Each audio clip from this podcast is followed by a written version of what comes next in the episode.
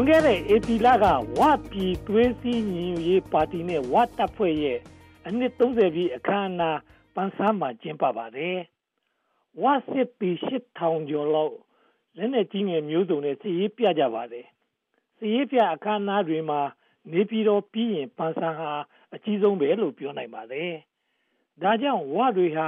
စင်ပြိုင်အစိုးရနဲ့စင်ပြိုင်တက်မတော်တည်ထောင်နေတယ်လို့ဇွန်လ2ရက်နေ့ကနေပြည်တော်မှာကျင်းပတဲ့ သတင်းစာရှင်းလင်းပွဲမှာတက်မတော်ပြန်ကြားရေးအဖွဲ့ကတုံ့ပြန်ပါတယ်။တာမန်စီရေးပြပွဲသာဖြစ်ပြီးတက်မတော်နဲ့ပြိုင်တာမဟုတ်ဘူးလို့ဝါကဖြေရှင်းပါတယ်။တကယ်တော့ဝတွေဟာထောက်လှမ်းရေးနဲ့နားလည်မှုယူပြီးအပြည့်အကတ်ရက်စဲခဲ့တာဖြစ်ပါတယ်။ဘာသာချုပ်စာရမ်းမှလက်မှတ်ထိုးတာမဟုတ်ပါဘူး။ထောက်လှမ်းရေးရဲ့နှုတ်ကတိကိုယုံကြည်လို့အပြည့်ရပြီးစီးပွားရေးဝင်လုပ်တာဖြစ်ပါတယ်။1989က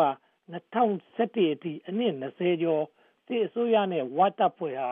နားလည်မှုနဲ့ဆက်ဆံလာပါတယ်။ဦးသိန်းစိန်အစိုးရတက်လာတော့မှ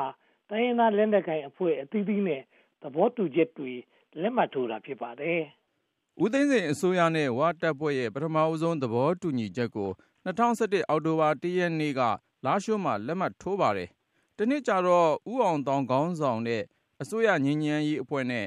ဦးရှောင်းမင်းလျံ ခေါင်းဆောင်တဲ့ ဝငြိမ်းချမ်းရေးအဖွဲ့2012ဒီဇင်ဘာ25ရက်နေ့ ပန်ဆန်းမှာ သဘောတူ လက်မှတ်ရေးထိုးကြပါတယ်။သဘောတူညီချက်6ခုထဲမှာ ပြည်ထောင်စုလွှတ်တော်ကို ဝကိုယ်စားလှယ် စေလွှတ်ရေးကိစ္စ ဆက်လက်ဆွေးနွေးဖို့လည်း ပါဝင်ပါတယ်။နောက်6လကြာတော့ အစိုးရငြိမ်းချမ်းရေးကော်မတီ ဒုဥက္ကဋ္ဌ ဦးသိန်းစောနဲ့ ဝကိုယ်စားလှယ် ဦးကျောက်ကော်အန်း2013ဇူလိုင်လ12ရက်နေ့ ကျိုင်းတုံမှာ သဘောတူညီချက် လက်မှတ်ထိုးပြန်ပါတယ် ယခင်သဘောတူညီချက်တွေကို ဆက်လက်လိုက်နာဖို့ အရင်ကရှိခဲ့တဲ့ နားလည်မှု ယုံကြည်မှုအတိုင်း ညှိနှိုင်းဆွေးနွေးဖြေရှင်းဖို့နဲ့ ခွဲထွက်ခြင်းမပြုဘဲ နိုင်ငံတော် တည်တံ့ခိုင်မြဲအောင်လုပ်ဖို့ နှစ်ဖက်လုံးက သဘောတူညီကြပါတယ်။2008ဖွဲ့စည်းပုံအခြေခံဥပဒေ အခန်းနှစ်ပုံမှန်56မှာ ဝ နယ်ကို ကိုပိုင်အုပ်ချုပ်ခွင့်ရတိုင်းအဖြစ်ပေါ်ပြထားပါတယ်။ဒါကို မကျေနပ်လို့2010နဲ့2015ရွေးကောက်ပွဲ နှစ်ခုစလုံး ဝ နယ်မှာ ကျင်းပခွင့်မပြုပါဘူး။ဝအာဏာပိုင်တွေရဲ့ခွင့်ပြုချက်မရရင်ဝဒေသမှာဗဟိုအစိုးရလည်းဘာမှမလုပ်နိုင်ပါဘူး။ဝနယ်မြေမှာဝတပ်ဖွဲ့ကလဲပြီးဘယ်သူကမှလက်နက်ကန်ဆောင်ခွင့်မရှိတဲ့အတွက်အစိုးရတက်လဲကန်ဆောင်ခွင့်မရှိပါဘူး။ကိုယ်ပိုင်အုပ်ချုပ်ရေးအရှိဆုံးဟာဝဒေသဖြစ်ပါတယ်။ပထဝီအနေအထားအမျိုးသားစိတ်ဓာတ်မူရစေဝင်ငွေနဲ့တရုတ်ရဲ့ထောက်ပံ့မှုကိုပေါင်းစပ်လိုက်တဲ့အခါမှာ ဝနယ်မြေဟာအာဏာအပြည့်အဝရှိတဲ့ပြည်နယ်တစ်ခုလိုဖြစ်နေပါတယ်။တရုတ်ပြည်ဘက်မှာဝတိုင်းရင်းသား9သိန်းကျော်ရှိပြီးမြန်မာပြည်ဘက်မှာ9သိန်းကျော်ရှိတယ်လို့ခန့်မှန်းကြပါတယ်။အခြားလက်နက်ကိုင်အဖွဲ့အစည်းတွေမှာခွဲထွက်ပြီးဒဇင်ထောင်တာမျိုးရှိပေမဲ့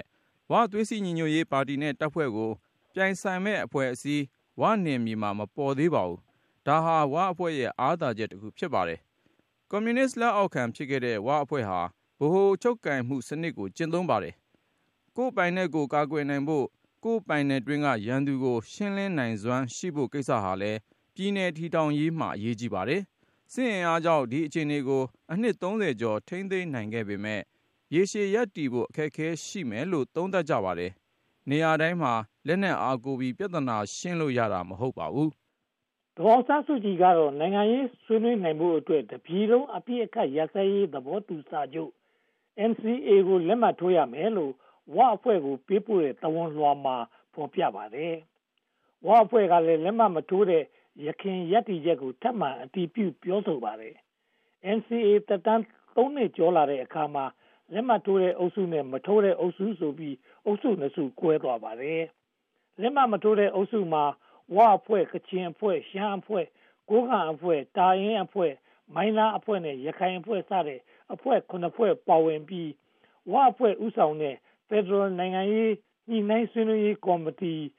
FPNCC ကိုဖွဲ့စည်းထားပါတယ်။လွန်ခဲ့တဲ့ဇွန်လ16ရက်နဲ့18ရက်နေ့မှာဒီကော်မတီဝင်တွေပန်ဆန်းမှာအစည်းအဝေးကျင်းပပြီးအပြည့်အကိစ္စကိုဆွေးနွေးကြောင်းသိရပါတယ်။ဝါဦးစီးတဲ့9ဖွဲ့အုပ်စုမှာတိုင်းရင်းသားစစ်အင်အားရဲ့80ရာခိုင်နှုန်းရှိပြီးအစိုးရနဲ့လက်မှတ်ထိုးထားတဲ့10ဖွဲ့အုပ်စုမှာ20ရာခိုင်နှုန်းသာရှိပါတယ်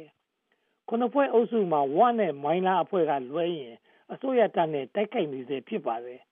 အစိုးရဘက်က အပြည့်ရစာချုပ် အရင်လက်မှတ်ထိုးဖို့ လိုလားပါတယ်။ဒါပေမဲ့ ဝတပ်ဖွဲ့နဲ့ ကချင်အတွေ့အကြုံအရ အပြစ်အခတ်ရစဲမှုကို စာချုပ်နဲ့ အကောင့်တွေဖော်လို့ မရဘဲ အပြန်အလှန် ယုံကြည်မှုရှိဖို့က ပိုပြီးအရေးကြီးတယ်လို့ နားလည်နေကြပုံ ရပါတယ်ခင်ဗျာ။